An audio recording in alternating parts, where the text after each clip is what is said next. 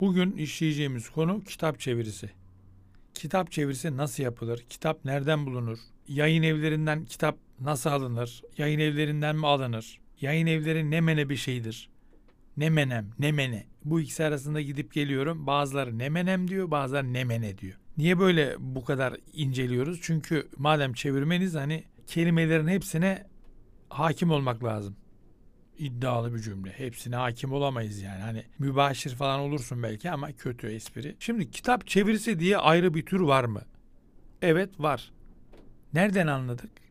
E ben yapıyorum. Oradan anladık yani. E zaten şimdi bak çeviri bir dilden öbür dile yapılan bir nakil işlemi aslında. Hani derler ya işte kaynak dilden hedef dile gibisinden. Kaynak dil o dilin orijinal dilidir. Nedir mesela? Ben İngilizceden çeviri yapıyorum. Kaynak dil konumuz çeviri olduğu için çeviri yapacağın orijinal asıl dildir. En çok konuşulan olmasa da en çok konuşulanlardan biri olan İngilizceyi biz burada referans alalım. İngilizce kitap çevirisinden bahsedelim. Peki bu kitap çevirisi nasıl yapılır? Teknik olarak hani bir kitabı alıp e, birinci sat, satırından başlayıp çevirme o ayrı bir iş zaten. Ben burada bir kitap nasıl bulunur? Nereden bulunur? Kimle irtibata geçilir? Mesela kafama göre bir kitap çıktı yurt dışında. Ben de çok iyi Fransızca, İngilizce biliyorum. Aldım onu çevireyim lan ben bunu dedim. Olur mu bu? Bunlara gireceğiz. Şimdi bu kitap dediğimiz olay bir sanat eseri. Yani onu yazan birisi var. Demek ki sen onu yazan adamdan bunun iznini almadan o kitabı çeviremezsin. Ha kanunda şöyle şeyler vardır telif hakları kanununda eğitim amacıyla alınan bazı ibareler işte yüzde on mu yüzde beş mi onu tam hatırlamıyorum. Yüzde onu yüzde beşi geçmemek şartıyla aldığın iktibas deniyordu galiba alıntılar telif hakkını ihlal etmez. Ama sen bizim meşhur profesörlerin yaptığı gibi tez yazıyorum diye adamın bütün eserini alıp araklarsan çev- çeviri yapıp ya da yaptırıp buna kendi adını yazarsan bu plagiarizm İngilizcesi intihale girer direkt. Demek ki madde bir bir kitabı çevireceğimiz zaman onu yazan adamdan izin almamız gerekiyor. Buna da e, copyright deniyor. Şimdi bu copyright peki atıyorum bilmem kim yabancı bir yeni yazarları da pek bilmiyorum da. Ha, Stephen King diyelim mesela. Bu Stephen King meşhur berbat yazıyor bana göre de işte bir şekilde ünlü olmuş herif neyse o konulara girmeyelim edebi tartışmalara. Bir sürü kitap yazıyor. Ayda bir, ay, yılda 10 tane, 3 tane neyse bir sürü kitap var. Peki bu adam bunlarla kendi mi uğraşıyor telif hak? Yani bir ülkeye e, yayın hakkını verirken kendi mi uğraşıyor? Tabii ki hayır. Menajer sistemi burada devreye giriyor. Hani sanatçıların nasıl menajeri oluyorsa kitapların da ajansları oluyor. Sen bu copyright'ı, telif hakkını ajanstan alıyorsun. Ajansla irtibata geçmen gerekiyor. Peki yurt dışında bir ajans bilmem ne ajansı. Nasıl ben bununla itibata geçeceğim? E, kolay. E-mailden, web sayfasından falan filan buluyorsun. Ya efendim cevap vermiyorlar ki. E, vermezler. Zaten o Ya ben kaç yıldır çeviri yapıyorum. Yani attığım 10 mailden 3'üne ikisine cevap alabiliyorum bu tür durumlarda. Çünkü doymuş esnaf bunlar. Doğu Bank pasajında vardır bunlar. Elektronikçilerde çok gözlemlenir bu. Hiç böyle şey yapmaz. 50 lira, 100 lira der böyle hiç ne iner ne indirim yapar. Doymuş esnaf. Bu ajanslardan da bazıları doymuş esnaftır. O yüzden cevap vermeyebilirler. Biz her şeyin yolunda gittiğini varsayalım. Filanca X kitabını ben beğendim. Hoşuma gitti okudum. Bir göz attım falan lan ben bu kitabı çevireyim dedim. Ne yapacağım? Türkiye'de o e, yazarı telif eden şey telif eden değil tabii telef eden temsil eden temsilciler ajanslar olabilir. Hani reklama girmesine burada isim vermeyeceğim. Ne diye verip de adamları reklam edeyim? Onlar benim adımı bile anmıyorlar. Bunları buradan bulabilirsin. Diyelim telif hakkını buldun. Peki bu telif hakkını sen mi ödemelisin?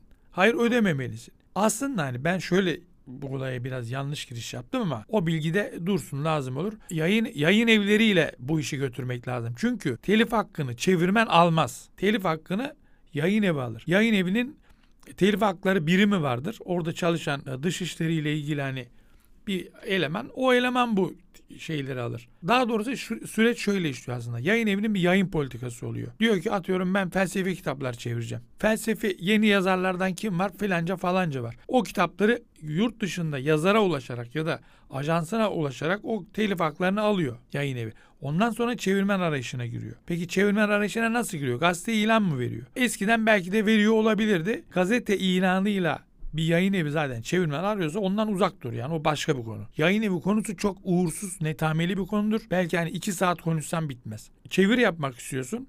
Şöyle yap o zaman bak. Birinci, birinci şart. Türünü seç. Ne çevirmek istiyorsun? Polisiye mi? Bilim kurgu mu? Science fiction denilen bil- bilim kurgu mu? Ne bileyim felsefe mi? Sosyoloji mi? Roman mı? Klasik eserler mi? Böyle bir tür seç kendine. Yani çevirmenliği meslek olarak düşünüyorsan bir tür seçsen çok iyi edersin. Ben öyle yapmadım. Büyük hata yapmışım. Gelene geç diyorduk biz yani. Hani ilk başlarken zaten fazla seçme şansın olmuyor. Çorbada kaynaması lazım. Ha ben sen çevirmen olarak çev- sevmediğin kitap çevirdin mi diyorsan çok azdır yani. Bir iki tanedir. Ben biraz böyle dik kafa manyak bir herifim hani. Böyle her kitabı da çevirmedim ben. Şimdi sen türünü seçtin, açtın yayın evini. Hatta gönlünden geçen bir yayın evi falan da olabilir yani. Atıyorum işte ben e, can yayınlarını çok severim diyebilirsin.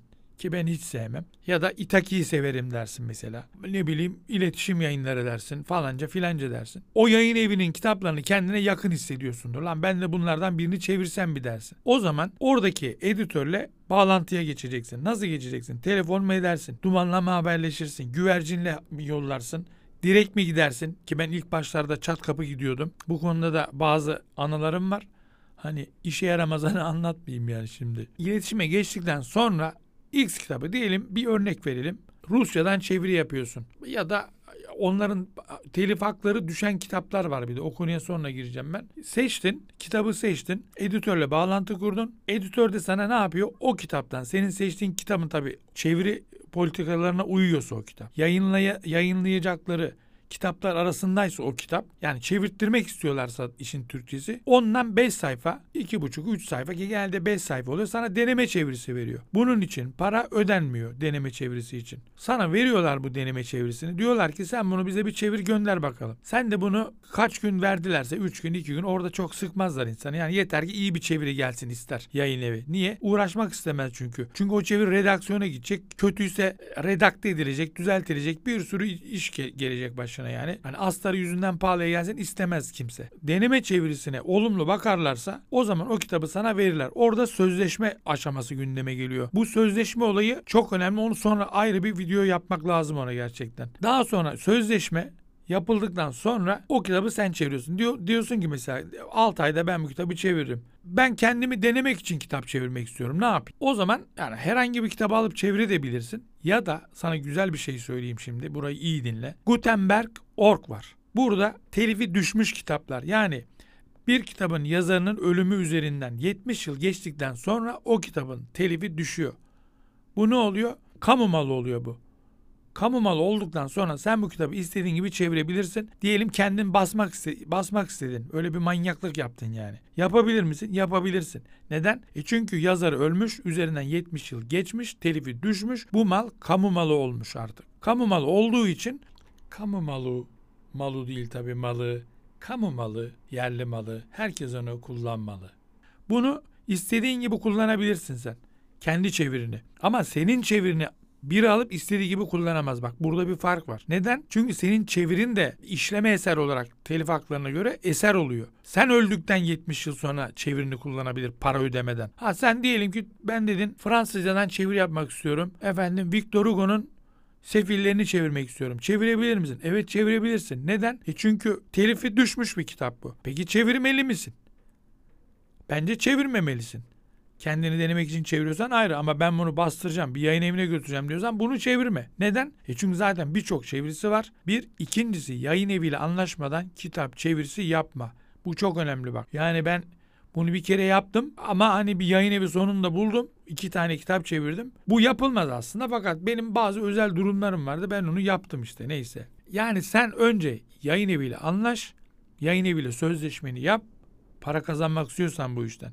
Ondan sonra kitap çevirisini yap. Kitap çevirisinin kendine özgü olan çeviri zorlukları başka bir videonun, podcast'in neyse onun konusu. Çünkü gerçekten hani çok e, nasıl diyeyim teferruatla ayrıntılı bir iş bu. Yani kitabın kendi dili var. Ondan sonracıma ne bileyim kaynakçası uzun olabilir kitabın. Sana e, firis yap derler. Kitabı e, çevirirken nasıl bir yol izleyeceksin? En iyi yol hangisidir? En iyi çeviriye nasıl ulaşabilirsin? Bunlar ayrıca bir programın, videonun, podcast'in konusu. Şimdilik bunları söylemek istiyorum.